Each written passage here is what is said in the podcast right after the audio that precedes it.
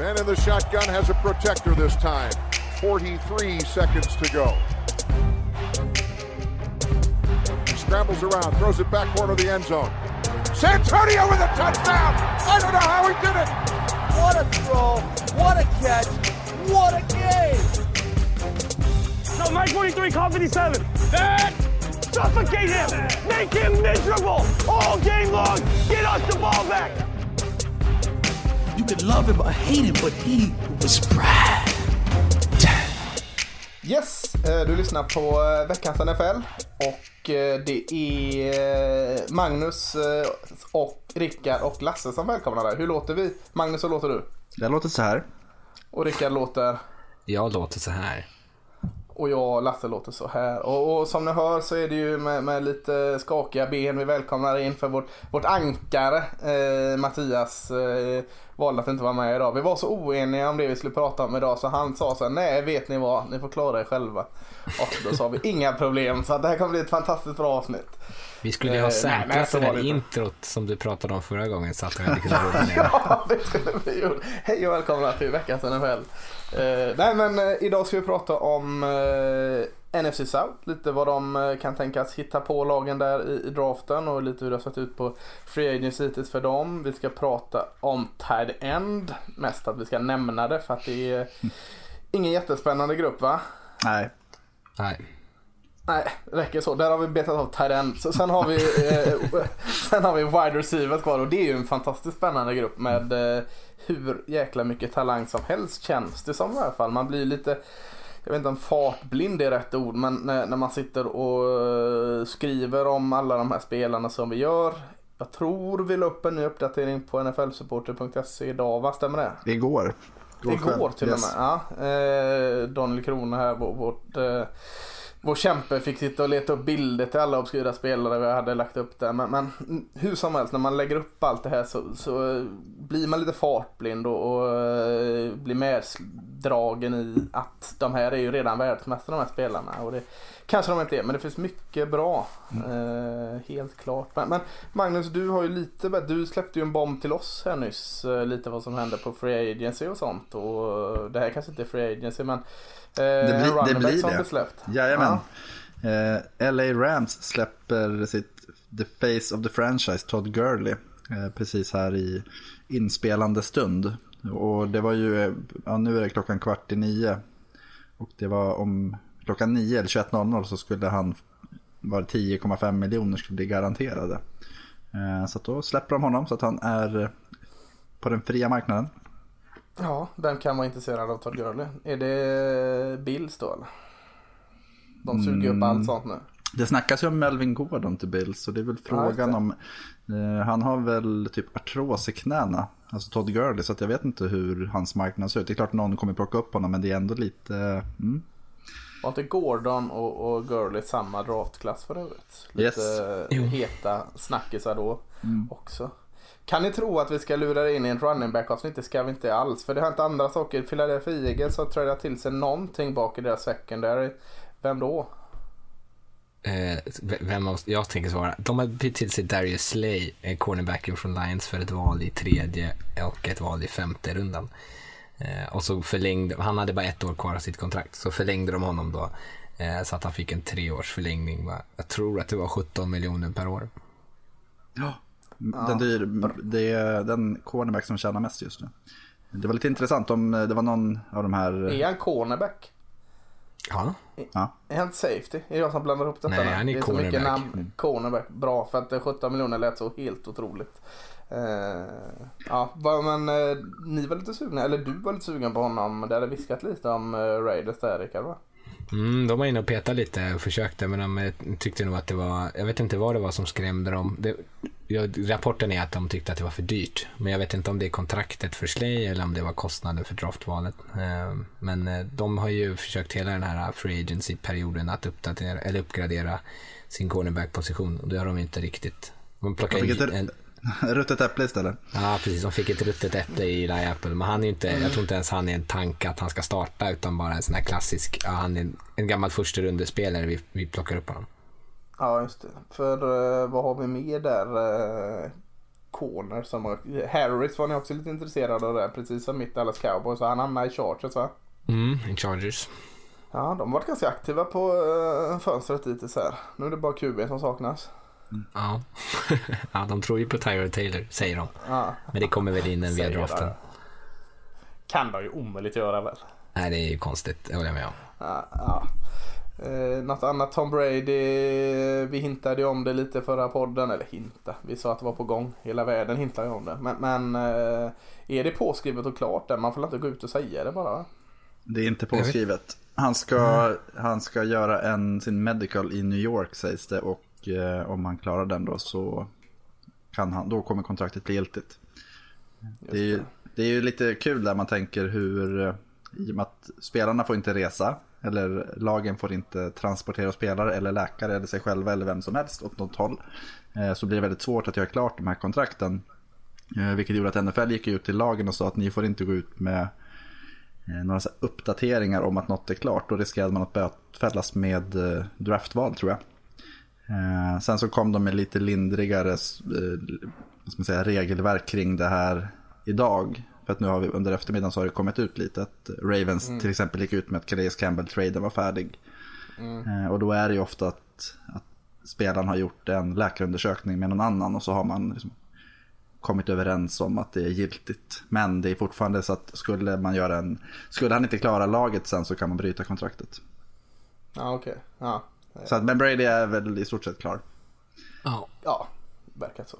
Mm. Eh, något mer stort namn på Free Agency sen vi, vi spelade in podd så nyss så att det inte hänt så våldsamt mycket va? Nick Foles.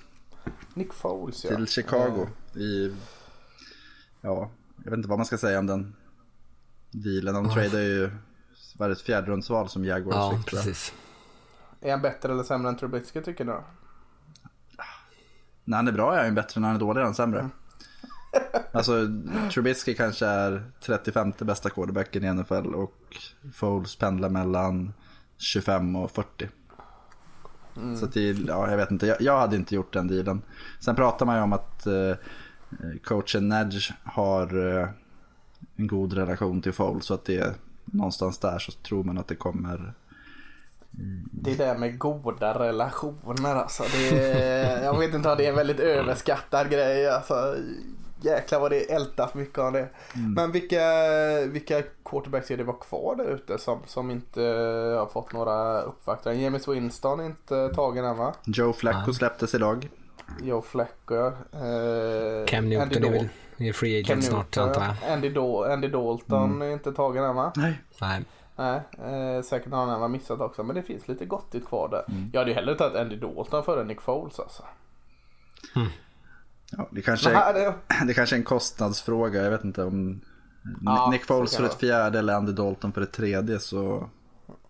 Ja, ja det tänker så. Ja, det känns de hade de väl släppt ändå. Det, alltså, det, hade de bara haft lite is i Jag förstår inte varför de byter till sig Foles och framförallt så dyrt. De vet ju, Jaguars har väl inget intresse av att behålla honom. Det är, jag tyckte det var jättekonstig deal. Ryan mm. Pace har inte gjort en bra start här på nya ligaåret. Trade, eller signade Jimmy Graham, tvåårskontrakt värt 16 miljoner. In med Foles. Robert Quinn är bra förvisso, men till det priset, ja, ja det finns ju andra hål Ja, lite så känns det eh, Ja men vad, ska vi börja med att beta av tight så vi har det gjort eller ska vi börja kolla på eh, det gottiga wide receivers? Vad, vad, tycker, vad tycker du Rickard? Vi kan väl beta av det tråkiga först. Vi betar av tight först. Och, och ja. vi, det är inte så att vi på något sätt är emot positionen tight på något sätt. Men, men det är inte så där väldigt laddat i den klassen eh, i år känner vi. Mitt förslag inför var att vi bara skulle nämna att man får drafta tight i år och sen så är vi klara med det. Men det kanske bara nämna några namn i alla fall. Ja det var lite väl kanske. Men, men det är, vad skulle vi säga då innan vi pratar om några tight när, när det är rimligt att först, vi ser första tight gå? Är det andra rundan eller är det till och med för högt? Alltså jag blir förvånad om det går någon i andra rundan.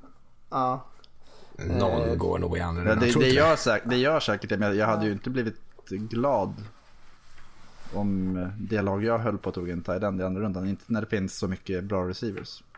Nej, nej den är, det är en mellanklass eh, för att säga det snällt med tight Men vi har några intressanta namn ändå. Jag har skrivit upp högst på min lista i kanske inte tight end, men han är en bollmottagare i alla fall som gjort mycket nytta i Washington. Hunter Bryant, eh, en, eh, ja, en wide receiver egentligen, liten eh, spelare och inte så snabb heller. Men eh, ja, han gör nytta, väldigt produktiv och eh, hyfsat bra blockeringsspelet för den storleken ändå. Eh, lite så här semispännande ändå tycker jag.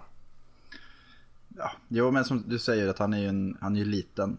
Eh, och han är en receiver. Och han, är inte en, han skulle inte ses som en stor receiver heller egentligen. Utan han är ju... Jag vet inte, han, han har bra sidor men det är... Mm, jag vet inte, hans tak känns ganska lågt tycker jag. Ja det gör det, absolut. Jag håller med, lite så här som du var inne på här då, eh, Magnus, att eh, i en sån här draftklass där det finns mycket receivers så känns det som att den här typen av tight ends eh, som är liksom bollmottagare, de, jag tror att det är de som kommer att lida av, eh, av djupet på receivergruppen. Mm. Och Brian känns som en sån som jag kan tänka mig att han kommer falla ner lite av den anledningen att ska vi ta honom och sätta honom i mitten eller liksom centralt eller ska vi bara ta en stor slot receiver istället mm. och spela med? Mm. Ja, väldigt bra poäng. Väldigt bra poäng. Eh, lite mer av talentskolan till. I Purdue har vi Bryce Hopkins. Mm. Eh, kanske en liten av sista säsong med lite småskador som eh, var i vägen för men överlag tycker jag han lämnade med flaggan i topp. Han har blivit bättre och bättre. Bra i sina routes, fina cuts och, och ganska bra samarbete med bollen om man kan säga så. Eh, mer villig än duktig i blockeringsspelet kanske man ska säga. Ja, det, han är också Han är direkt svag skulle jag säga. Ja, men han går in där i alla fall ja, och får stryk hela tiden. Så det är inte att han är ointresserad av det. Uh, han började inte spela Tyrant förrän på sent i high school också så uh, kanske någon form av utvecklingspotential kring honom där. Mm. Ja, men han, om vi pratar om Hunter Bryant som en passmottagande receiver så är Bryson Hopkins samma sak. Men han är mm. lite längre, han har utrymme att lägga på sig mer muskler. Så jag tror att han kommer kunna bli en bra blockare på, med tiden om, om man vill det. Men jag tror att hans, hans framtid ligger i, som passmottagare. Eh, och det var ju mm. som Rickard sa tidigare att då kanske det finns receivers som faktiskt är bättre än vad han är på det. Mm. Precis. Eh, har du någon som, som tredje man eh, här eh, Magnus och, och slänga på bordet? Eh, jo men jag, jag, tror ju att den jag tycker är bäst är ju från Notre Dame, Cole Kmet. Uttalar ja, man det så? Kmeten. Kmeten. Kmeten. Kmeten. Ja, det är han Kenneth Andersson. Nej, men han, han, känns ju som, han sticker väl ut lite i att han är den som är mest allround. Han kan, han kan fånga bollar, han kan stå som en extra förlängning av den offensiva linjen, han kan blocka i passspelet, han kan vara, sköta jobbet i pass protection. Alltså han, han, han är en tight end. det, det, känns ju som att de andra två är mer receivers. Han är duktig i, i allting utan att vara jätte, jättebra i något. Eh, så det... Han är så fruktansvärt tråkigt jo, liksom. Men... Eh, anpassningsbar, gör vad tränaren säger, sköter sina uppgifter bra. Alltså goda egenskaper. men, men det är så åh, den här, eh, jag sa det innan vi spelade in, han är som Jason Witten är nu ungefär. Det är en liten elak bild men eh, ja, det, är så här, det är inte en jättespännande tränare. Men eh, jag håller med vad du säger Magnus, han är ju den som är mest eh, eh allround på, på positionen. Mm. Eh, jag vet att du är lite halvsvag på eh, en Tyrant-skola Stanford. Colby Parkinson i årets eh, bidrag från Stanford. Mm. Eh, två meter lång nästan. Eh, mer bollfångare än blockerande Tyrant, även honom va? Ja, kan man säga. Ja, ja verkligen. Eh, han är två meter lång, 115 kilo. Det här är den som jag tror kommer vara bäst om fem år. När vi tittar tillbaks. Mm. Att om han får chansen vill säga. Nej, men han har blivit bättre och bättre för varje år som har gått. Jag tycker han är, han är bra i passspelet och han har ju liksom den här kroppen att faktiskt lägga på sig muskler och bli ett riktigt, riktigt monster. Han är ju jättebra mm. i... Alltså, för det måste han göra. Han måste ja, ja bygga... absolut. Jo, men det är det. Han kan inte starta i år. Mm. Det är knappt så att han gör det nästa år. Utan det gäller att han lägger på sig 10 kilo muskler och sånt där nästintill. Eh, liksom formar om kroppen. Men redan i, på college nu med den här fysiken så är han ju dominant i liksom i, som ett red zone-vapen och mismatch-spelare. Det är ju inte många cornerbacks som når upp till honom, men så har du, har du en, eller en QB som, eh, som kan kasta bollen någorlunda pricksäkert så är han ju ett liksom, jättevapen. Sen... Ja, det var väldigt tacksamt för eh, Costello där. Ja. Nu fick han ju snudda runt med lite kubis i Stanford. Men eh, det var alltid någon form av ganska enkel route. Eh, tycker sen tar sådana ganska bra. Men mm. upp i mitten och så eh, är Colby Parkinson där. Jättebra händer, fångar ju bollen högt, högt ovanför huvudet mm. med en två meters höjd. Så, så är det ju ganska effektivt. Mm. Så att, äh, det finns ju något att jobba med där i alla fall. Men, men äh, ja, man, man greppar lite efter halmstrå ändå. Men jag, tyck, jag tycker ändå att man tänker de här, som typ Jalil Scott som var en två meters man receiver från var New mm. Mexico State. Eller vart han nu kommer ifrån, i Ravens nu. Eh, mm. Han kändes liksom, han hade storlek. Hur många Tyrants har Ravens? Han är wide receiver. receiver. ah, eh, men, men att, jag tycker Colby Parkinson känns som att han är väldigt bra på just de sakerna. Att han, han är duktig på att vara den här mismatch receiven egentligen. Eh, bättre än vad många receivers som är stora är. För de försöker vara någonting mer. Han är ganska liksom begränsad egentligen. Men han gör just det han är bra på väldigt, väldigt bra. Och det, jag, vet inte, det, jag, jag tror att han det är en sån vi kanske pratar om om tre, fyra år som ett eh, när, när, den free agent-perioden är till så kommer vi nog prata om Colby Parkinson som ett, ja men det är ett, han är ett monster. Mm, ja, nej, vi får se. Uh, ett monster vet jag inte om han skulle med i alla fall. Men, men uh, jag ser, jag Utifrån ser, den här klassens uh, nivå så. Jag ser någon form av hopp borta över horisonten, det kan jag hålla med om. Jag tänkte om, om jag ligger kvar på det här med klassisk tight end-skola så har du ju Cincinnati som är en sådan. Eh, vi har ju Kelsey därifrån och, några andra som jag eh, inte kommer ihåg namnen på ännu. Men eh, Josiah DeGuara där i Cincinnati. Eh, mycket brister såklart men, lite en av, en av mina favoriter. Eh, tycker han gjorde jättefin Super Bowl, eller Super Bowl Senior Bowl. Eh, lite för liten, lite för liten för Tyrend men, men fysiskt ändå aggressiv och eh, bra i blockeringsspelet och eh, teknik, slipade routes och eh, men, men saknar farten och storleken tyvärr men tycker det känns som en spännande spelare ändå. Är han inte som en sämre version av Colt Komet då? Nej. Eh. Alltså, där satte du mig. Jag kan inte... Kan inte ja, jag har skrivit någon form av det osexiga, trygga valet även på José Deguara. Så att, så att, men jag håller nog honom som lite mer eh, spännande. eh, mer, eh, mer spännande Kmette. Så att, men, men det är ju samma skola är det ju, eller samma typ av, av Thailand helt klart. Men en som vi måste nämna också när vi pratar om spännande mm. personer så är det ju Ted Moss från LSU. Eh, dels så är han ju Randy Moss son. Ah. Och sen så tycker jag att han var väldigt, väldigt bra faktiskt sista, sista månaden av säsongen i LSU. Eh, och det är samma där, han har ju... Jag tycker han har fysiken och storleken. Han var ju mer en blockande T från början. Ah. Mm. Men sen så blommade han ut som receiver. Han hade väl två touchdowns i finalen eller semifinalen, semifinalen tror jag det var. Mm. Så att kommer han in i rätt system så blir jag inte förvånad om han kliver in ganska snart just utifrån att han faktiskt kan göra båda sakerna bra. Ja, eh, han är inte en jättepassmottagare. Nej, nej, men han kanske kan. Han har det i, i ja. armsmassan. bara släktdragen där.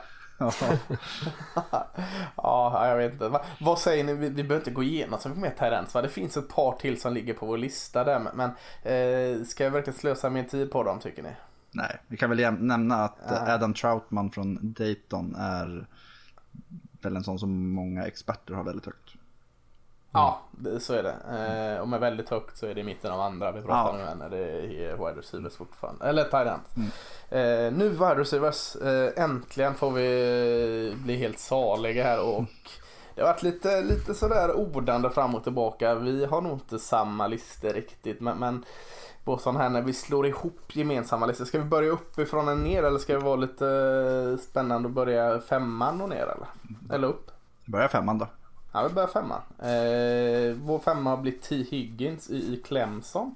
Eh, ytterligare en av eh, alla de här receiversarna från Clemson. Vi hade en som blev tradad från Houston till eh, Arizona och så har vi ju Eh, Sammy Watkins också där, eh, jättebra receiver från Clemson. Men, men, Mike eh, Williams i Chargers. Mike Williams också, precis. Eh, T Higgins, eh, en lite större receiver. Eh, Magnus, take us away. Ja, men stor, stark, snabb. Jag tycker han har skyhög potential. Jag tror vi pratade om honom i veckans college ganska ofta och det är mm. Clemson. Men vi så var det mycket du. Ja. ja. Nej, jag gillar han också, ja. absolut. Nej, men han, han, är sån, han har ju gjort eh, 27 touchdowns på två och ett halvt år. Han var skadad en del under sitt freshman-år tror jag det var. Mm. Eh, nej, men, det är verkligen den här typen av spelare som växer när lamporna lyser som mest. Och när han är på humör så går det inte att stoppa honom. Eh, vi, vi kommer ju prata om cornerbacks här senare och när de mötte Ohio State i slutspelet nu så hade han ju Jeff Okuda på sig hela tiden och det, jag tycker att han var ganska dominant mot honom. Eh, och han har liksom den här starka kroppen, fin kroppskontroll, kommer upp högt, eh, bra händer, stark i duellspelet, bra efter catch han är som, som de flesta som har en fin fysik och liksom att det är det de har levt på så har han ju lite tekniska bitar i till exempel routsen att slipa på, att bli lite mer clean. Mm. Men jag har jättesvårt jag att se. Också det. Ja, men jag har jättesvårt att se att, eh, att han inte kommer bli en superstjärna. Jag, jag tycker att var... det, det, finns liksom all, allt där. Mm. Vad, vad Rickard, hur, hur på är du till Higgins? Inte lika på som Magnus. Eh, men eh, alltså jag tycker också om, jag håller ju med om, om i stort sett allting. Eh, han springer inte kanske de sexigaste eller snyggaste routsen, men samt, han, vad han istället är väldigt bra på är typ att skapa liksom, utrymme att liksom bara för sin kub och bara dumpa ner bollen genom att han skärmar av med kroppen på ett bra sätt eller att han liksom aldrig liksom blir uttryckt mot sidlinjen. Och sen så är han jättebra på sina back shoulder kast för att han har otrolig förmåga att anpassa sig efter bollen i luften. Mm. Men eh, jag, vi, ni sa, nämnde ju Mike Williams här från Clemson. Det är, ju, det är ju samma spelare i stort sett tycker jag. Fast han är bättre. Higgins är bättre. Ja, kanske. Mm. De är likadana. Men ni är båda helt köper hans fysiska stil? Eller för jag har förväntat, eller jag håller med om i stort sett alla positiva saker så jag gillar också Tigins jättemycket. Tror han kommer bli jättebra i alla fall. Men jag har lite så här att eh, jag tycker att han han rör sig och eh, är smidig som en lite mindre receivers och kanske fysisk som en också lite mindre.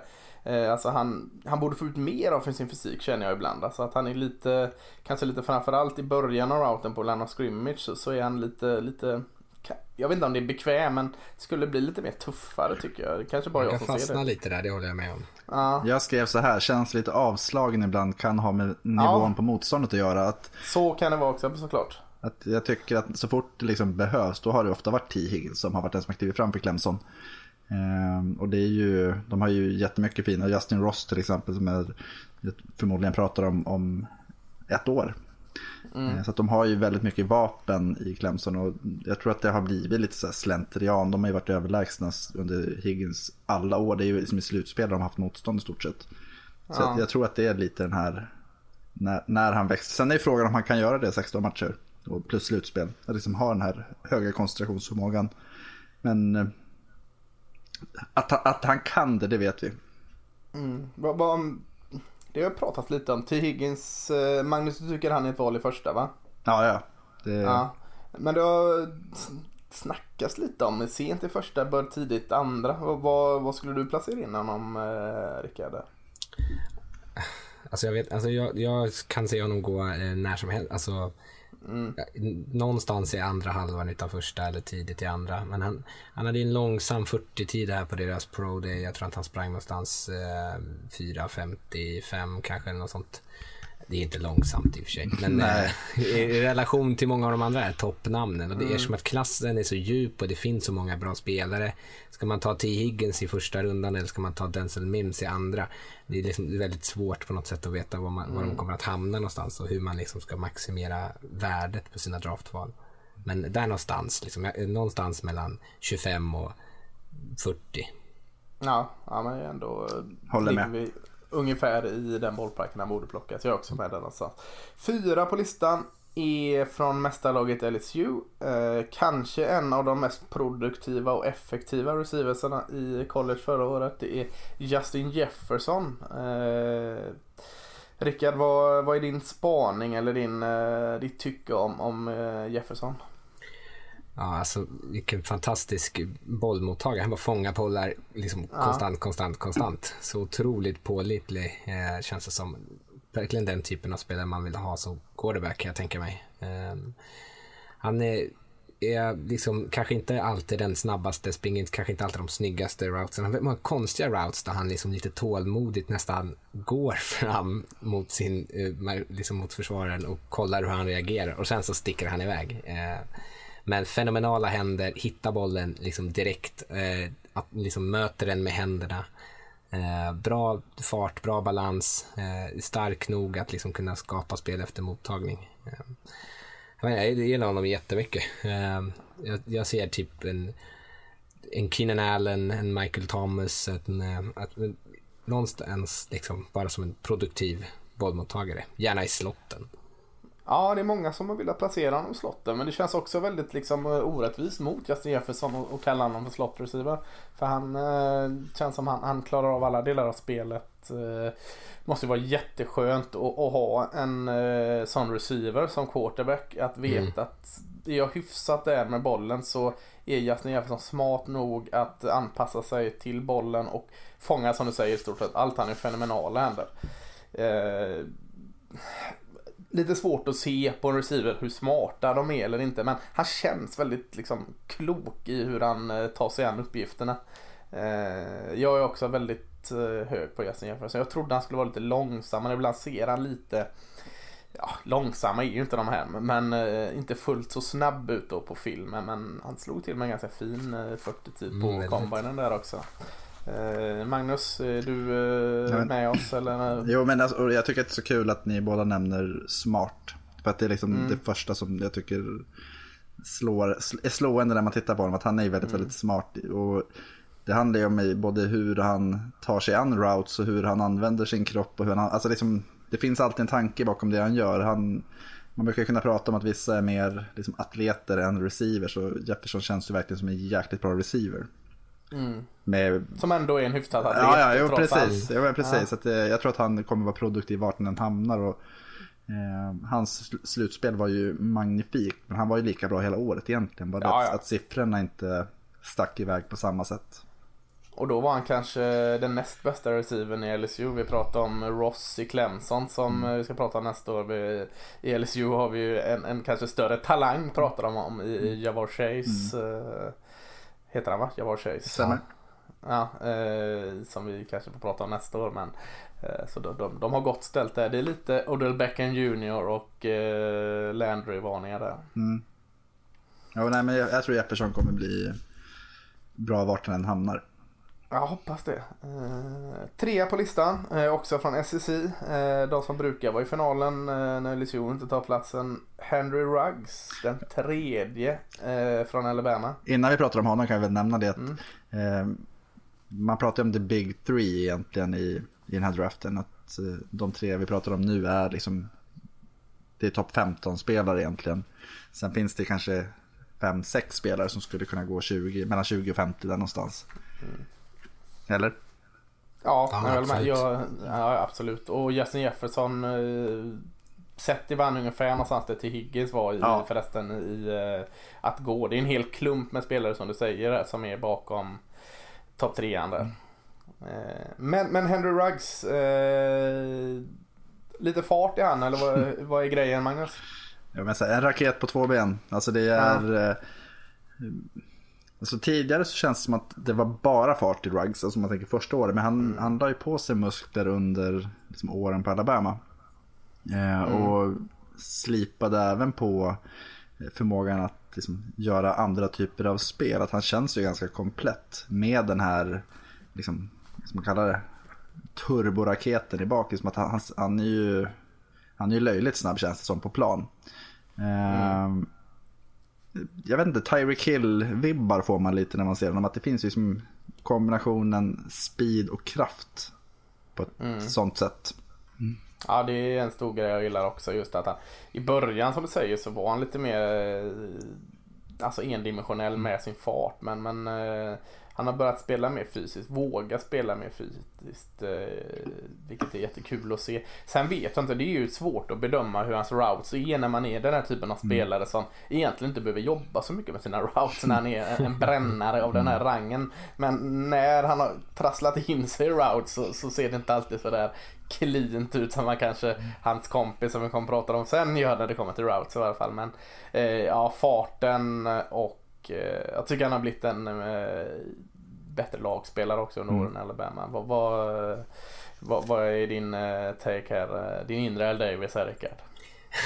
ja, min inre Al Davis eh, saliverar.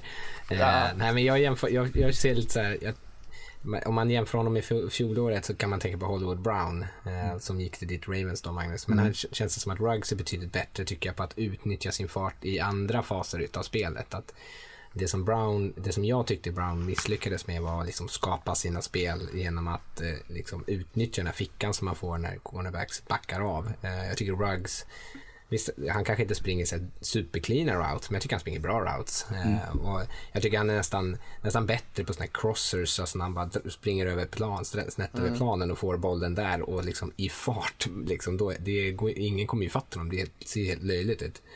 Um, så nej, han, jag tycker att han är mer komplett än vad man tänker sig när man tänker sig mm. ah, en supersnabb receiver. Det är ju liksom ingen John Ross utan det här är ju en, en komplett receiver som dessutom är ruskigt snabb.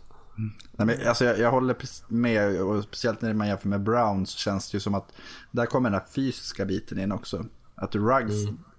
eh, tar säkerhetsavstånd på honom och ger honom bollen så han kan ju fortfarande springa över dig. Mm. Alltså Hollywood Brown han slidar ju i stort sett som en quarterback. Alltså han vill ju inte vara, men han vill ju inte ha närkamp med Ruggs. Han, han liksom springer ju rätt in i det och det blir ju det blir jättejobbigt att möta en sån spelare. Att... Även i blockeringsspel. Ja, ja, ja. Alltså, det tyckte jag inte han gjorde 2018, 2019. Så verkar han tyckte det var roligt att blockera och vara lite elak liksom. Eh, det är ju en fantastisk egenskap. Jag kan tänka mig att Nick Saban var på han ganska hårt han det eh, för tidigt i Alabama. Så var, var det inte jättekul tyckte han. Men eh, han kom nog på att det här var kul att kunna vinna den fighten också. Eh, alltså det var fint. Mm. Topp 20, är jag för snål då när jag säger det? Alltså jag skulle inte bli förvånad om han går först av receivers. Nej, inte jag heller egentligen. Nej. Och det är topp 10? Ja. Mm. Alltså ja. ta ett lag som eh, Cardinals om de nu skulle vilja eh, nu har de ju tagit in DeAndre Hopkins. Jo men alltså. DeAndre Hopkins, Larry Fitzgerald. Fitzgerald, Nuke och Henry Ruggs. Alltså det, förstår du den trion? Det skulle ja. vara ja. Omöjligt för Kylie Murray att inte bli Typ. Ja, det skulle vara otroligt underhållande. Ja, det skulle ja, vara jättekul. Och med Cliff Kingsburys eh, offensiv där också. Mm. Ja, det måste de göra nu. Mm. Ja, det är fantastiskt. Ja, nej men eh, jag har han inte lika högt. Jag har han faktiskt eh, som femma på min lista där. Men eh, det är väldigt klumpat med efter mina två favoriter. Och eh, det är nog i stort sett allas två favoriter vi pratar om här. Eh, eller i varje fall i toppen. Nummer två, vi pratar ju om Hollywood Brown i Ravens. Han var i Oklahoma Sooners innan. Och spelade en säsong tror jag, eller han kanske gjorde två ihop till och med med eh, tvåan på listan, CD Lamb. Eh, är faktiskt etta på min lista. Jag har svårt att välja någon och den är lite upp och ner där men eh, jag är så oerhört svag för den typen som flyter fram i, liksom, i sin stil. Han känns liksom som det är så eh, långt ifrån den där bordshockeyspelaren på Stiga-spelet som är fast i sina spår som det går. Alltså det, det är så naturligt allting. Eh, också väldigt smart känns han och eh, eh, Eh, räknar ut vad han ska göra mest nytta och ha ögonen med sig, tajma boll och, och eh, ja, jag tycker han är, är, komplett med den här härliga stjärnauran på något sätt. Jag vet inte om vad, vad du har på Sydamerika. Nej, jag håller med. Uh, nu när du sa det här med stjärnauran så kändes han ju... De intervjuade honom lite så på Combine bland annat när han hade sin press. Han, han känns ju så sjukt, så sjukt cool. Eh, ja. Utan att vara liksom kaxig eller störig. Utan han bara känns... Ja, nej det tycker jag inte. Nej, Man bara ser honom så tänker man så här. Vilken jävla cool kille. Han skulle jag vilja umgås med. Eh, ja. Nej men eh, jag håller med. Jättebra på att plocka bollar. Jättebra yards efter catch. Han har ju mycket som helst. Och inte så här som han plockar upp på så enkla bubble screens eller så här korta passningar. Utan han, han får en pass 20 yards ner i banan och så plockar han upp 15 yards till. Vilket är helt galet egentligen. Eh, mm. Och när man pratar med Higgins att han inte alltid känns som att han spelar till sin storlek, det gör ju Lam. Alltså han är ju så aggressiv när bollen kommer. Det är verkligen så här, den, den här ska jag ha, flytta på dig eh, på något mm. vis. Och så är han så stark i sina händer när han gör det. Ja, nej, det är fantastiskt uh, att se han just på plan. Han ser ut att verkligen älska det han gör också. Det är många mm. som gör det. Magnus, vad, vad säger du om uh, Hollywood Browns kompis? Eh, att han är lite bättre än vad Hollywood Brown är. Eh, nej, men, nej men alltså, Sid Lamb är ju, han har ju varit otrolig sedan första året. Eh, han har väl också så 30 touchdowns på tre år. Eh, över 3000 yards. Alltså han producerar ju på så många olika sätt också. att det, Han kan ju vara den här liksom, possession receiven med sin liksom, den här Anquan Bolding elakheten. Eh, och sen kan han göra de stora spelen. Vi hade, vad hette han, Butler förra året? Hakim mm. Butler. Hakim, Iowa ja. Ja, ja, men alltså han, Hakim Butler är liksom en dess större, väger 15 kilo mer. Men det känns ändå som att CD Lamb har liksom den typen av, ska man säga så här, dominanta spel mot, eh, mot, mot försvarare. Att han, liksom, han kör ju över dem. Mm. Eh, sen, men jag, jag, om man tänker så här vad som talar emot är väl att nu kommer han möta spelare som är bättre. Mm. Mer jag tänkte komma in lite ja. på det. Eh, för att det här, det här är ju svider ju i mig att säga detta eftersom jag är en Big, Big 12-fan av, av rang här. Men hur mycket ska man ta in det att han har mött ganska skraltiga, det är ju en offensivglad eh, konferens i college, den här Big 12. Eh, där det är mycket offensivt som upp och inte alltid de hetaste försvaren. Och vi har ju sett de här Baylor och TCU och uh, receiversarna väljas högt innan. och Hakim Butler.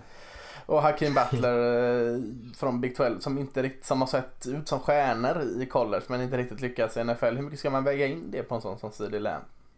Alltså jag, jag, jag, skrev det i min eh min bedömning av honom att eh, hans produktion är ganska fläckvis. Han har, mm. det är, jag tror att det är ja, 40 procent av matcherna så han mindre än 50 yards. Eh, så han ganska många matcher där han har jättemycket yards istället. Mm. Eh, så om han kan försvinna på det sättet då får man väl kanske gå tillbaka och se vad är liksom orsaken till det. Det kan ju bara handla om att ja, vi leder redan med 40 liksom 47 så det är, ingen, det är ingen stress. Vi behöver inte passa så mycket. Eh, men det, det, tycker jag ändå man kan, kan, ha i beaktande.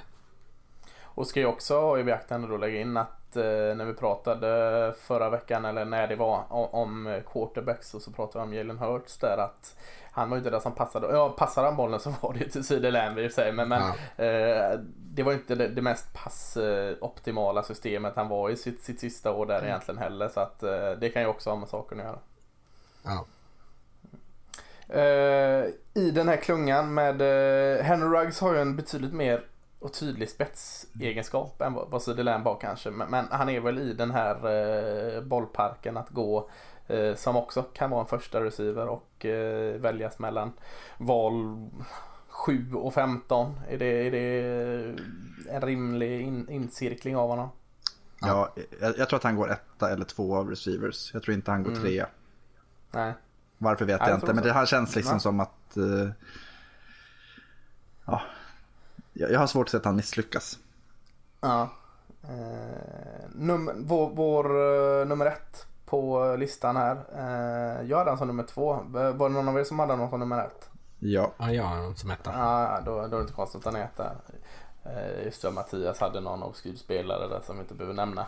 Men, men eh, ja, nummer, nummer, nummer ett på listan. Det är eh, den andra receiven från Alabama jag faktiskt pratar om här idag. Det är Jerry Judy. Eh, varför hade ni båda honom etta på en lista? Nu ska ni inte börja prata i munnen på varandra. Utan Magnus, varför hade han etta på din lista? Eh, alltså han, han känns så extremt bra. Alltså han känns, det, det, är verkligen, det osar klass som Jerry Judy och det har det gjort sig sedan första gången man såg honom i stort sett. Att ja. Han är så jäkla clean, han, vi pratade om uh, Justin Jefferson som smart.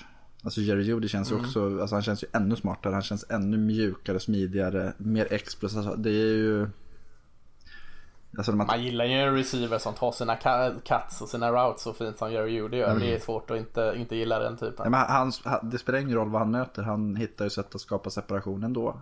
De kan ju dubbelteama honom. Han, blir, han springer sig fri utan att vara... Alltså det, han springer ju inte något 40 på 4.20 utan... Eh, man säger, alltså han är inte som Ruggs i, i speeden. Men han, ska, han skapar liksom sin egen yta på ett sätt som ingen annan i den här draftklassen gör. Mm.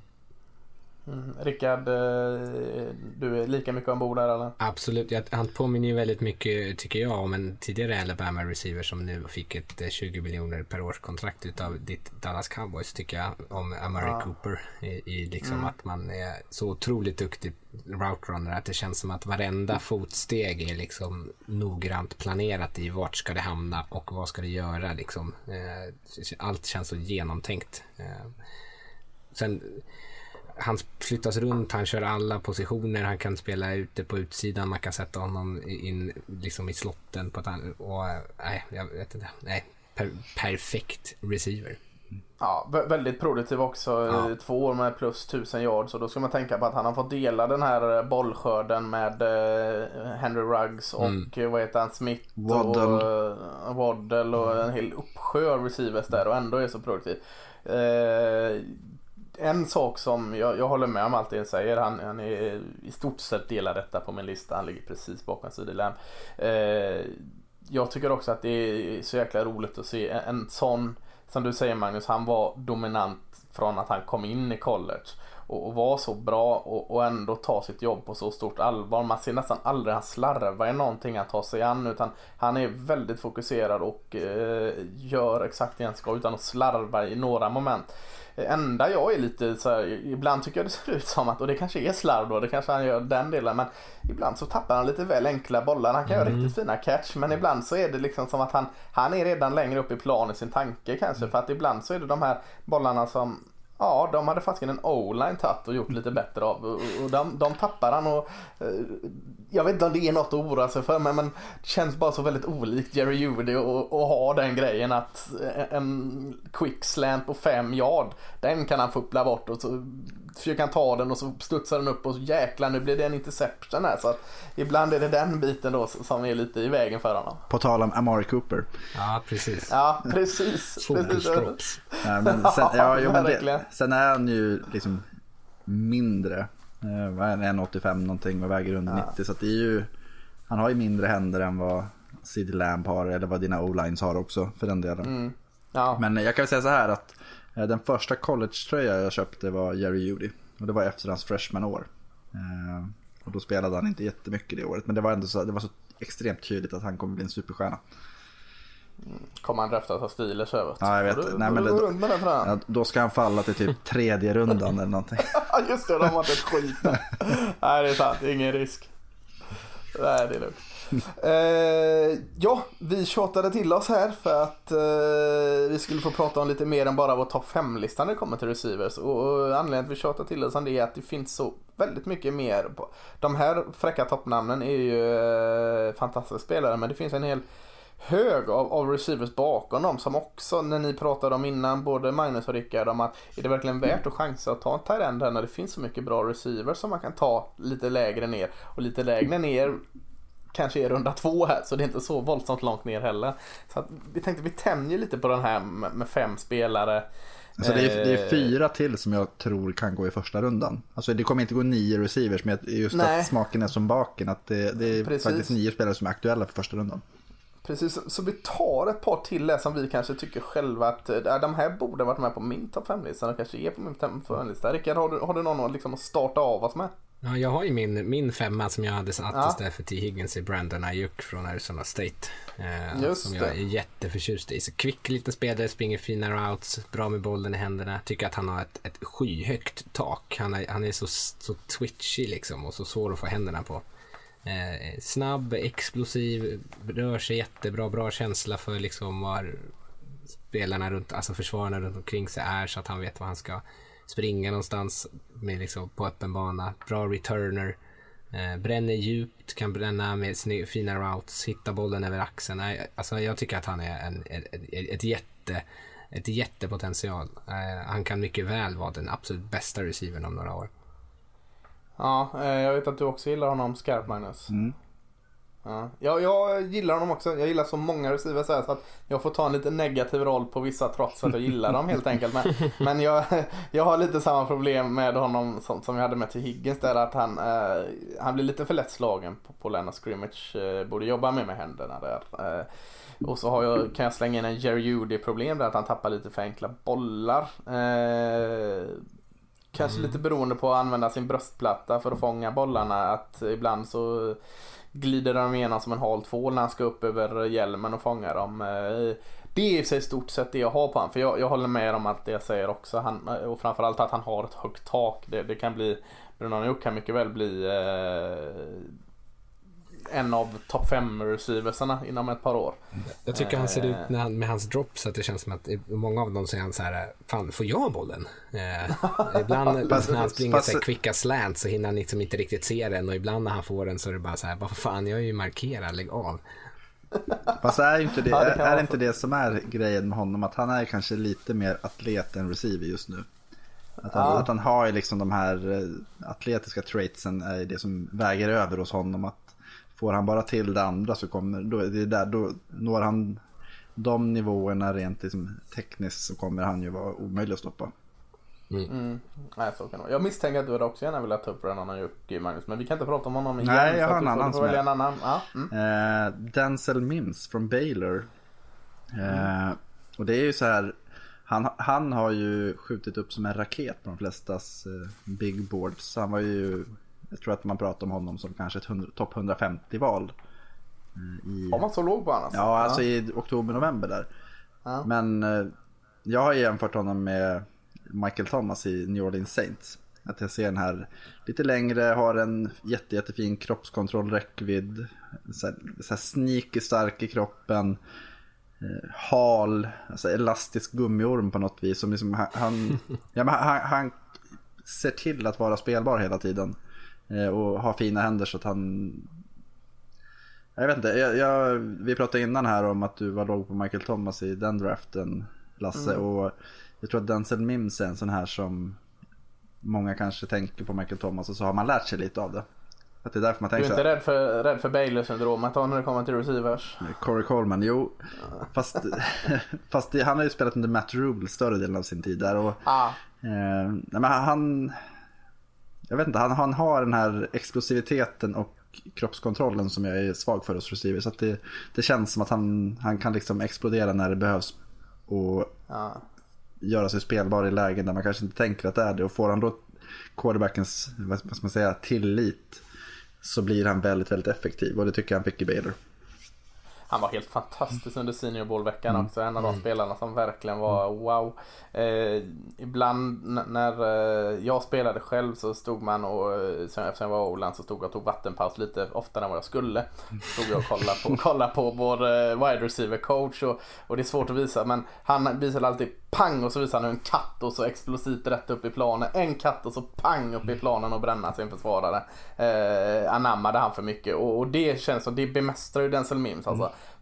Katt, pang, upp i plan, bränna, försvara. Eh, Eh, lite slarvig innan den här katten kom men ibland kan han vara lite så av i sitt fotarbete och sånt men, men eh, ja, såg bättre ut även i fotarbetet under seniorboll så att, ja, jag gillar Mims också. Eh, Laviska Chinot tänkte jag ta upp. Eh, känner mig ganska ensam i Chinot-båten.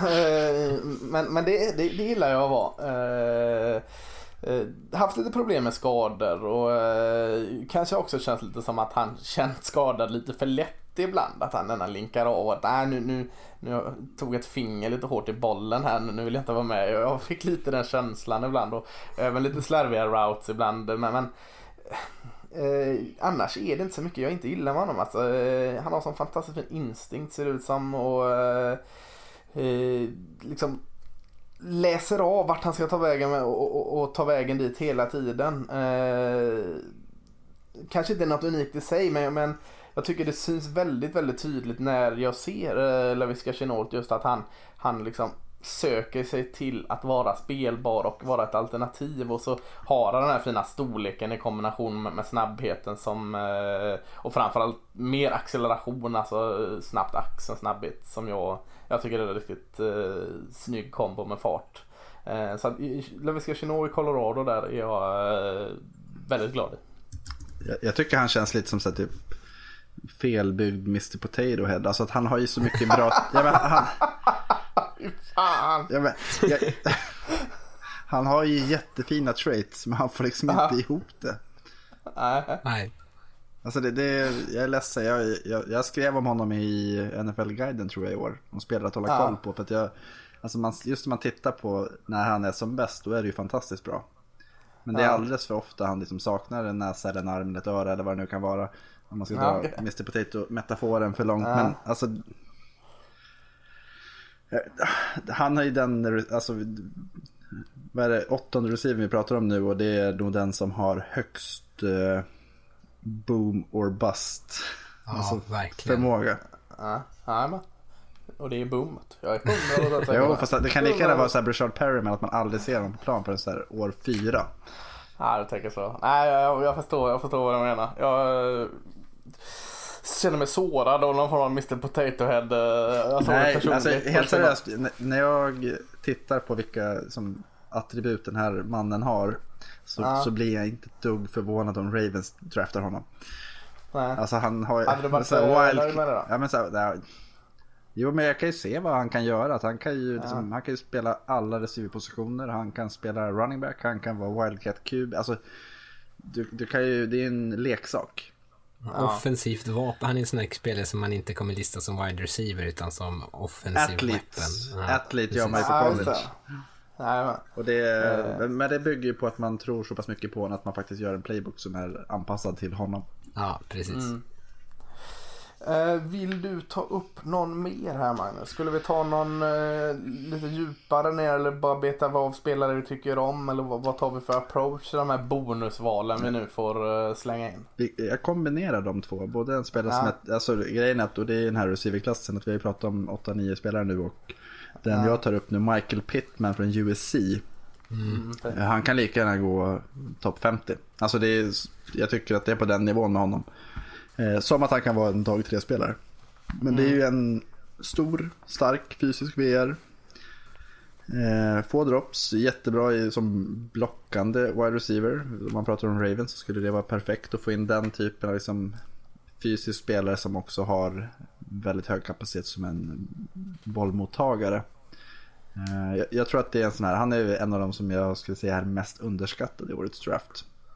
Eh, på mm. förhand. Att jag tror att det är Eh, vad heter han i Steelers? Gamla USC? Uh, ja, Jojo Smith-Schuster. Precis, han har jämförts uh. lite med honom. Uh. och jag kan se dem. Heter han Schuster? Ja, inte cykel-Jojo. nej men alltså det, det, just det där att det är få som är så kompletta som Pittman är tycker jag. Han är bra i blockeringsspelet och duktig, block, eller duktig mottagare. Och det, den kombinationen tror jag kommer attrahera väldigt många lag. Så jag blir inte förvånad om han tar sig rätt högt. Är det inte Nej. en viss skeptism kring liksom hur hans tak är? Nej, han, han är ju en två, andra, tredje receiver på sin ja, höjd. Precis. Och det... Jättefina händer har han mm. också. Alltså, tycker jag i... fångar bollen högst. Och så är han ju förbaskat jobbig att få ner när han har bollen också. Den fysiken mm. kommer in som du pratar om. Och en fin explosivitet som gör att han, ja. han är bra om det är lite kortare eh, distanser som ska avverkas så, så finns det ju liksom en explodera första steget och sen stor kropp som håller undan och bra händer på det. Så att, ja, det är mycket att gilla med Pittman. Uh, hur mycket ska man luras av det här nya systemet som USC spelade? Han spelade ju ett nytt air raid system mm. som är väldigt uh, uh, receivervänligt. Ska man kan man luras lite kring hur bra Pittman är där? För han såg ju fantastiskt ut i USC. Va? Alltså jag hade liksom siffror. Visst, han, han hade nästan 1300 yards. Mm. Eh, och det var en kraftig ökning från året innan. Men han hade ju fler korta spel. Eh, vilket har med systemet att göra. Men jag tycker ändå att det fanns den här... Det var väldigt ofta han gjorde spelet. Om man säger så. Det är inte, så, inte lika ofta man tänker Washington State receiver. Då hade man ju direkt sagt att det är Mike Leach-effekten. Mm. Eh, jag tycker att, eh, att hans eh, liksom, progression handlade mer om vad han gjorde och mindre om vad systemet gjorde. Sen är det en kombination givetvis att han passar bra in i det men NFL går ju mer och mer mot det. Mm, ja, det, det hör jag vad du säger. Eh, Rickard, vad, vad, vem är kvar på tavlan tycker du? Eh, men då tänker jag också lyfta någon som är lite senare. Jag tänker lyfta ja. James Prochet från SMU. Eh, som jag gillar. Dasslocket, dasslocken. Jävlar vilka händer. Precis, ja jättebra händer. Eh, han är lite av ett projekt fortfarande så han kommer säkert gå lite senare. Eh, men han är den här typen av possession receiver som precis som du säger har väldigt bra händer. Eh, han kan fånga bollar lite på alla möjliga sätt. Han har, han har vissa dropp som känns jättekonstiga. Eh, men annars så ser det väldigt liksom bekymmersfritt för honom att bara fånga in och suga in bollarna. Hans routes, de är slarviga, han rundar av dem ganska mycket så han får inte så mycket separation men han, han lyckas ändå, han vinner ju ändå för att han har så bra händer. Eh, och varit väldigt, väldigt produktiv. Så han känns som en spelare som man kanske inte, snarlikt som Pittman, man, tar, man tar honom inte för att han ska vara ens eh, nummer ett. Men eh, man har honom gärna för att han ska kunna vara produktiv ändå och vara pålitlig i sina tredje och fyra typ. Ja, från, från eh, SMU, Southern Methodist University i mm. downtown Dallas där. Eh, lite trivia här kan ni få då om jag säger att SMU är någon form av wide receiver skola för att vara så liten. Har ni, kan ni ta två andra eh, ganska bra wide receivers i NFL från SMU? Borde man kunna Båda alltså. har varit i Dallas också. Uh, Dallas Cowboys och är från Dallas. Eller nej, en i Dallas lite sugen på den andra har varit i Dallas. Nej. Är alltså Cortland Sutton har ju varit där. Uh, Cole Beasley var ju SMU va? Cole Beasley är en ja. Mm. Sen har vi en som eh, kom till 49ers i år som är free agent nu. Emmanuel Sanders. Just det. Mm. Ja, fick, våra, fick våra lyssnare att sitta här och briljera och säga Kan inte det Rickard och Magnus? det Kunde ju två. Ja, ja, det är starkt. Eh, jag, jag tänkte jag rundar om med en spelare från samma delstat. Och jag, jag blir inte hemmablind så ofta när vi rankar prospect. Men nu ska jag säga en spelare i, i Texas här. Eh, Van, eller Colin Johnson, den långe, eh, reslige och kanske lite sköre Colin Johnson. Eh, som har haft en del problem med skadan. Men eh, ytterligare några av de spelarna som såg väldigt bra under Senior Ball Eh, och just hans längd, han är jättelång. Jag har inga eh, mått på han ännu men säg eh, närmare 2,10 än 2,00 i varje fall. Mm. Eh, men, men han är eh, oväntat bra kroppskontroll för den storleken alltså. Och gör spektakulära eh, catch ibland. Eh, skulle man bara klicka istället för att kolla en match med honom och göra det här misstaget som man har gjort ett par gånger att man klickar på highlight-tejpen eh, när man ska bedöma en spelare. Det är ju livsfarligt för då är det bara det fina ihopklippt. Men han har förbannat fint highlight-tejp för att eh, han kan göra de här helt omöjliga catchen och eh, ta ner dem med en väldigt fin kroppskontroll och springer sina routes väldigt bra. Så att, eh, han är lite där endimensionell och kan försvinna ur matcherna ibland. Men, men eh, om man ska ta en, en, spelare, en liten sliper längre ner så eh, den längden kombination med kroppskontroll och eh, bra bollmottagare så tror jag ändå att det är en spännande spelare. Mm. Alltså han, var ju, han har ju varit jätte, jättebra. Jag tänker, vem var bäst? Han eller Lil Jordan Humphries? Ah, ingen av dem. Devin Duvernay som också ja, är Ja men jag tänker de två, ah. de två kändes ju ändå lite så här. Ja mm. men när Liljon Humphrey var ju mer slot-receiver ja. egentligen. Eh, Devin Duvernay gick in och tog hans roll lite mer. Men ja, Colin Johnson är ju mer alltså, NFL-bra mm. än de mm. här två. De, Devin Duvernay och Lil Jordan Humphrey tröttnar aldrig på att säga det namnet. Mm. Eh, var, var ju mer eh, liksom produktiva i college. Så att Colin Johnson har nog högst NFL-tak mm. av de tre tycker jag. Ja jag håller med. Mm. Eh, nu har vi rabblat 11 receivers. Eh, skulle lätt kunna rabbla 11 till men då blir det sådär väldigt jobbigt avsnitt och eh, ni börjar få slut på, på eh, papper att skriva ner alla våra gudomliga tips här. Så att, är vi hyfsat nöjda med, med, med wide receivers här eller? Ja. Ja, det får ja. vi vara. Ja. Eh, tycker jag ändå vi har gått igenom. Vi har gått igenom en, en svag talentklass. Vi har gått igenom wide receiver och eh, vad har vi mer att prata om? Vi ska prata om NFC South så eh, ska det inte bli allt för långt detta så, så kan vi väl slängas in i den divisionen. Mm. Eh, det är alltså Carolina Panthers, Atlanta Falcons, New Orleans Saints och Tampa Bay Buccaneers. Mm. Och det har ju hänt eh, en hel del kring ganska många av de lag. Eh, Magnus, vill du starta av oss här med, med ett lag? Eh... Jag tar Saints då. Mm. Eh, de har ju tappat en hel del i sitt secondary. Både Von Bell, PJ Williams, Eli Apple gick till Raiders.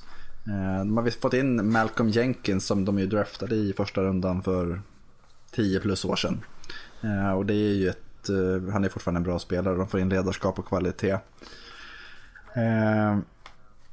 Alltså Saints har ju lite knepig draft i år. I och med att de har ett val i första rundan, runda 20, eller 24 valet. Sen har de ingenting förrän runda 3, 88 valet.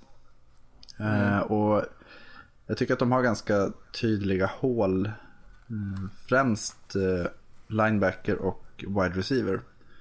Och wide receiver är ju, de har ju kanske den bästa i Michael Thomas men bakom honom är det väldigt, väldigt tomt. Och jag, jag tycker att det märktes i slutspelet att motståndarna kan ju liksom kia in mer på Thomas och uh, finns det inga andra som kliver fram. Om man tänker Alvin Kamara hade inte ett lika bra år 2019 som han hade 2018 Nej. och det var ju väldigt tydligt att det, det, var liksom Thomas or nothing i stort sett.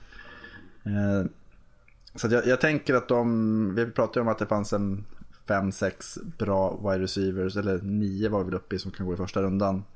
Mm. Jag tycker de ska ta det som finns där. Det skulle vara häftigt att se Justin Jefferson eller Denzel Mims i Saints för att se två av den typen. Men jag tänker ändå så här, Nästan hemmasonen Justin mm. Jefferson, Baton Rouge och Precis. New Orleans där. Mm. Ja. Eh, samtidigt så vore det kul att se T. Higgins vad han skulle kunna göra i en sån, eh, sån typ av liksom, ja, den frihet han får med den här Michael Thomas bredvid sig. Mm. Men, men om jag skulle vara Saints så skulle jag faktiskt inte ta en receiver i första rundan i och med att de väljer så sent nästa gång. Utan de skulle egentligen försöka täcka upp något av de andra hålen. Uh, Andrews Pete försvinner som uh, vad är han, left guard. Han har gått som free agent. Ja. Uh, jag skulle nog alltså, möjligtvis ta en annan hemma som Patrick Queen, linebacken. Mm. Ja, just det. Ytterligare en LSU-are där. Ja. Bra val. Så jag hade, jag hade nog, om jag hade varit Saints hade med val 24 tagit Patrick Queen och sen med val 88 kanske tagit Michael Pittman från USC. Ja. Att de får någon som både kan fånga bollar men också och, som kompletterar Michael Thomas rätt bra tycker jag. Att de båda kan spela både djupare och närmare, alltså kortare spel. Och sen bra i blockeringsspelet. Och sen har de ett val i fjärde rundan och där som cornerback för att stärka upp secondary. Jag vet att du gillar Troy Pride, Lasse? Ja, lite blandad där alltså. Jag gillade inte alls när jag såg honom i Notre Dame. Tyckte han såg fantastiskt ut under sin nivå. Mm. Men jag tror att det som slot receiver komma in där. Eh, eller en som jag vet att du älskar, Troy Dye, eh, han ska gå i första. ja, det kommer han inte, det kommer han inte göra. Jag är så oerhört glad i honom. Fan vad bra han är. Men ja. han skulle ju ändå liksom ge både den här, han är ju hybrid safety linebacker. Så han skulle liksom stärka upp både linebacker-position men framförallt kanske i secondary att han bidrar i passförsvaret mer. Han har stängt upp allt. QB-spelet också. Troy Åh oh, vad gött det kommer bli att få han i NFL nästa år. Ja, nej, men det, det gillar jag. Mm. Uh, Rickard, vilka, uh, vilka fick du på din lott att uh, leka general manager för? Jag har kollat på de här Tom Brady Buccaneers. Uh, ja, just det. De... Super Bowl-mästarna redan här nu. ja, precis.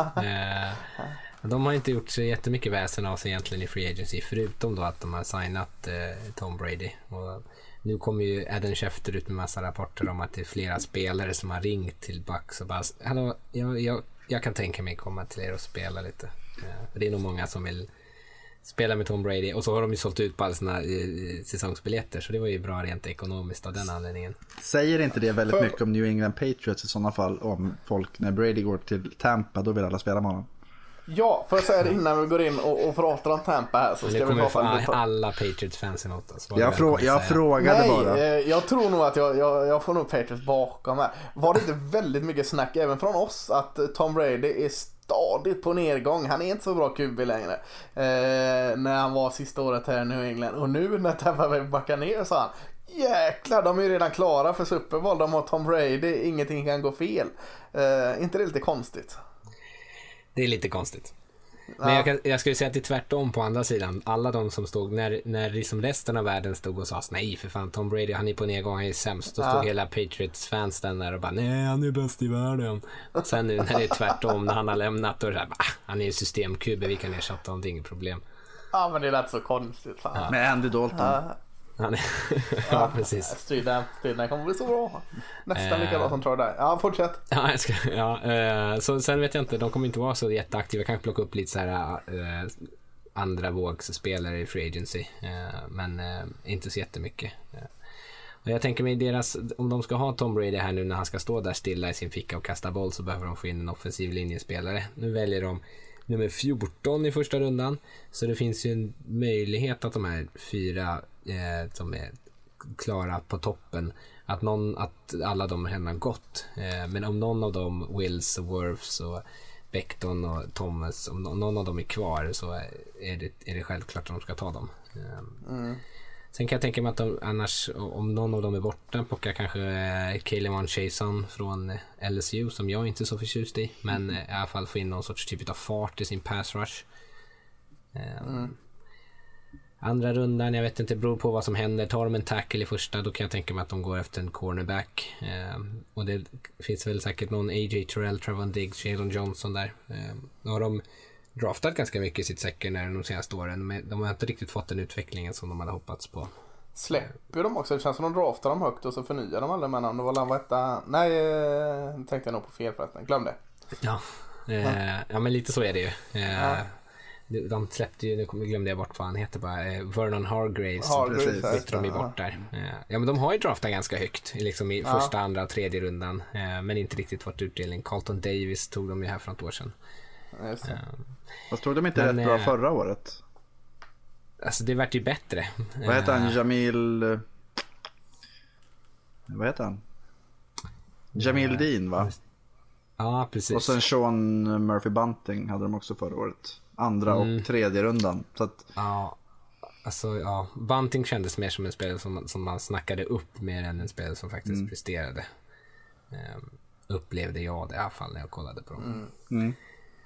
Uh, så där kan jag tänka mig, eller, uh, eller om de tar någon sorts uh, offensiv linjespelare i andra rundan kan jag tänka mig. Mm. Sen, jag har ju lite så här, känsla av att de kommer plocka Clyde Edwards Hilaire, eh, running back i tredje rundan om han finns kvar där. För han skulle nog passa ganska bra med Tom Brady mer som en eh, komplementspelare till Ronald Darby och en, en spelare som är bra, väldigt bra i passningsspelet, både som blocker eh, men kanske framförallt som en, eh, som en passningsmottagare. Mm. Eh, ja, nej men eh, fan, det känns ändå spännande att prata i backs nu. Det har jag inte gjort på ett tag. Mm. Eh, man, man, är ju på den här Tom Brady-hypen med, med, fullt ut. Eh, går inte att låta bli. Snackas ju om Todd Gurley dit nu. Ah, ja, det, kan jag tänka mig. Men jag vet inte hur mycket ja. pengar de har. Nej. Oändligt. Det är väl Glazers va? ja.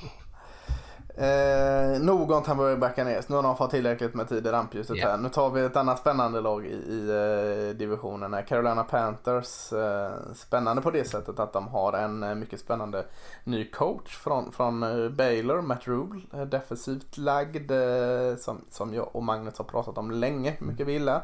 Och en ny spännande offensiv koordinator Joe Brady som var, hade 111 olika koordinatorsjobb på offensiva sidan i LSU här och var väl en, en uh, stor hjälpande faktor till uh, Burrow där att det uh, gick så bra för honom. Så att, uh, spännande coachingstab men, men truppen ser ju sådär ut just nu. De, de ändrar ju såklart mycket när det är ny, nytt inne. Teddy Bridgewater kom in, quarterback från New Orleans Saints.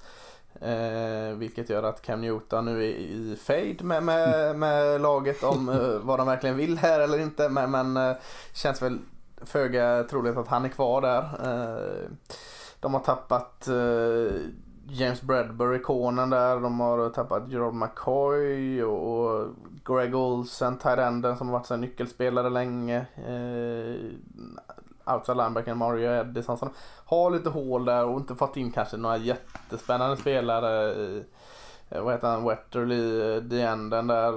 Eh, någon, någon rotationsgard mer eller mindre. Annars är det inte så mycket. De har fått in Dontari Poe är fortfarande ute som free agent där va. Eh, så, de har lite, eh, en hel del kvar att fylla här och jag vet inte om eh, offensiva linjen, både guard och tackle skulle vara intressant. Wide receiver skulle vara intressant. D-line framförallt skulle vara, vara ett behov där. Men man väljer som nummer sju och, och nummer sju så finns ju den här gruppen av offensiva linjespelare som Rickard nämnde för Tampa Bay. Att, att välja på det, någon av dem finns ju. Det skulle vara val, eh, kanske Tristan Worth eller eh, Thomas eller vem det nu må vara. Eh, jag tänker att med lite flyt så finns Derek Brown kvar där. En av mina absoluta favoriter. Interior defensiva linjespelaren där i, i Auburn. Han är kvar. Ja, är han kvar så tycker jag absolut de ska ta, jag tror Matt Rule säkerligen är sugen på honom också där. Så att Derek Brown, är han kvar så ta honom där, annars en o-line. Väljer man 38 där då, då får man fortsätta med försvaret tycker jag. En corner där skulle vara bra och, och återigen den ligan som du nämner där. Eh, men, men Trevor mm. Diggs eller Bama skulle jag kunna se kliva in där. Eh, om det inte är någon, någon, wide receiver som man är extremt sugen på. Eh, tredje rundan, där kan du kolla o tycker jag. Eh, en av mina favoriter är Sadiq Charles, eh, tacken för, för LSU. Får han spela för Joe Brady där igen också, blir jättefint. Och så. Sen lite kan han fylla på med lite sådana som Edge, en sån som Bradley Anay, Anay, Utah finns kanske. Våran favorit här Colby Parkinson där nere sen och lite sådant. Så att, eh, nej, men, men, defensiva sidan skulle jag nog eh, lägga fokus på och eh, offensiva linjen med mina tre första val. Mm. Mm. Jag tycker det är intressant med Panthers just utifrån med Matt Rule. De släppte ju Eric Reed här Ja, safetyn ja, eh, En ganska frispråkig herre. De skickar Olsen borta, Cam Newton. Alltså det är... man, man, kan väl börja ana att Matt Rule vill bygga sin egen kultur på något sätt. Eh, att, ja. Eh, det, det, blir intressant att följa för det kan ju komma... Det kan vara ett ganska kontroversiellt första år då. Det brukar vara det när man, när man ska liksom göra ett skifte så. Ja det känns väl lite som framgång direkt va. Det är lite för mycket hårdare den mm. truppen mm. i år. Men Teddy Bridgewater som QB känns ju spännande där. Ja, ja. Mm. kanske. Ja. Ja, jo. Ja, nej, du... nej, det vet jag. Spännande. Alltså, var han så jäkla bra när han spelade? Han spelade ändå sex matcher för Saints. De var ju rätt trötta då, eller? Ja, kanske. Men ja, jag tänker ändå så. Fan. Fan vad hård du var mot Teddy Bridgewater Jo, men, men, jo, men spännande. Det är ju... Pålitlig då. Spännande kanske var fel mm. ord. Trygg. Eh, ja, trygg. En, annan en riktig bridge-QB ska jag säga. En, en annan trygg QB, Matt Ryan i Atlanta Falcons. Vad har du på Atlanta Falcons, Magnus? Eh, jo men det är ju... Alla trodde ju att Dan Quinn skulle få sparken efter förra året. Eh, vilket innebär att pressen på honom nu lär ju vara gigantisk att inte få sparken. Så att de har ju gjort en hel del ändringar. Eh, de har ju släppt ju Austin Hooper som gick till Cleveland. Eller släppte, han, hans kontrakt gick ut och de förlängde inte det. Mm. Desmond Trufant kuttar de. Han är i Detroit nu va? Eh, mm. Vic Beasley, ja, kontraktet förlängde de inte. Han är i Tennessee. Devondre Campbell släppte de, men han är väl i Cardinals nu. Eh, Devonta Freeman släppte de. Alltså de har släppt jättemycket av de här spelarna som man har vant, vant sig vid att se i Falcons. Så de har fått in Dante Fowler, de har fått in Eh, ja, det kanske är det de har fått in. Nej, de har tradat till sig Hayden Hurst från Ravens också. Betalat ett andrahandsval för det. Eh, för att täcka upp, mm, täcka upp sin tight end-lucka. Och mycket av de sakerna är ju för att inte vara desperat i en draft. Att, att liksom fylla på de hål som finns, så att man faktiskt kan ta bästa spelarna. Men de har ju liksom cornerback, edge rusher, defensiva linjen, running back. Det finns ju lite luckor och man tittar lite så de väljer som nummer 16 i första rundan. Eh, där tänker jag Jawan Kinlaw. Eh, en defensiv tackle som är väldigt, väldigt explosiv och bidrar med mycket pass rush från insidan. Och det tänker jag så här. Du möter Tom Brady två gånger per år, du möter uh, Drew Brees två gånger per år och du möter Teddy Bridgewater, Teddy Bridgewater. två gånger per ja, år. Spännande. Är jätteskönt att kunna mosa fickan från mitten och liksom tvinga dem på rörelse. Uh, så det, det, tycker jag är ett klockrent val. Där får de in både defensiva linjen och även liksom det man egentligen vill ha med en edge rush, att få en pass rusher. Uh, så, mm. så det, sen i andra rundan så finns det, du nämnde Clyde Edwards Hilaire Eh, Eh, det finns även Jonathan Taylor, två running backs som jag tror skulle passa jätte, jättebra i, in i Framförallt Jonathan Taylor tror jag skulle vilja se helst i, i Falcons. Just den här liksom, murbräckan som kommer tvinga motståndarna någonstans att eh, kanske släppa Julia Jones och Calvin Ridley lite mer fria på utsidan.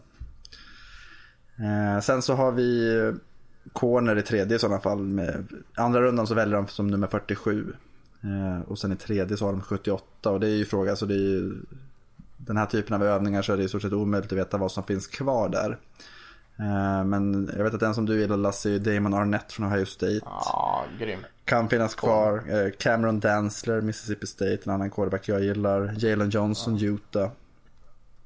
Mm, Bryce Hall, Virginia. Så alltså det finns ju ganska mycket ja, beroende på vilka som går tidigt och vilka som faller. Fyra i rad sa mm, jättebra nu. Fan, jag, jag, får, jag får bli mer kritisk i min sida. Ja. Ja. Nej, men jag, tror att, jag tycker att de gjorde, har gjort bra signingar i under free agency för att täcka till hål så att de inte är desperata i att behöva liksom, reacha för någon spelare. Jag tänker att en edge rusher är ju väldigt svårt i den här draften att hitta. Eh, så mm. Dante Fowler han hade ändå en 11 sax förra året så det är ju bra att de som fyller de hålen, lägger de pengarna på det nu och sen så kan de plocka bästa spelarna möjliga. Ja, nej men det, det känns, känns uh, rimlig avrundning på, på NFC South. Mm. Uh, vilka vinner divisionen då? Om ni bara skulle få säga så spontant. Saints. Rickard, Saints. Magnus. Falcons. Nej, Bucks. Nej, alltså det känns som en väldigt, väldigt svår division att veta. Men nej, Saints vinner. Ja, jag tror också Saints. Tråkiga vi. Uh, ja, med, med eh, Saints i topp så, så, är det väl läge att runda av. Uh, mm. Vi har inte haft Mattias med oss som kunde hålla oss korta så det har blivit lite längre här. Men jag tänkte bara så att eh, gå gärna in och kika på nflsupporter.se där så lägger ju vi upp eh, omdömen här kring en herrans massa spelare. Det har jag sagt förut och, och varit lite tjatig med men Eh, vi lägger ner ganska mycket jobb på det så att eh, roligt om ni kikar in och, och eh, jag tror ni också tycker det är roligt. Eh, sen kan jag nämna också, eh, jag tror vi la ut det i sociala medier. Det är inte på något sätt vår ära men, men eh, roligt att NFL Network har gått ut och erbjudit att ta del av deras tjänst gratis här nu under coronatider. Så kolla in det om ni är sugna på att ha det här tugget från betydligt på pappret kunnigare experter än oss tre. Eh, så, så, det är värt att nämna. Men annars så, så, säger vi väl tack och så hörs vi med en annan position om en vecka eller så. Mm. Ha det gott. Det gör vi. Ha det bra. Ha det.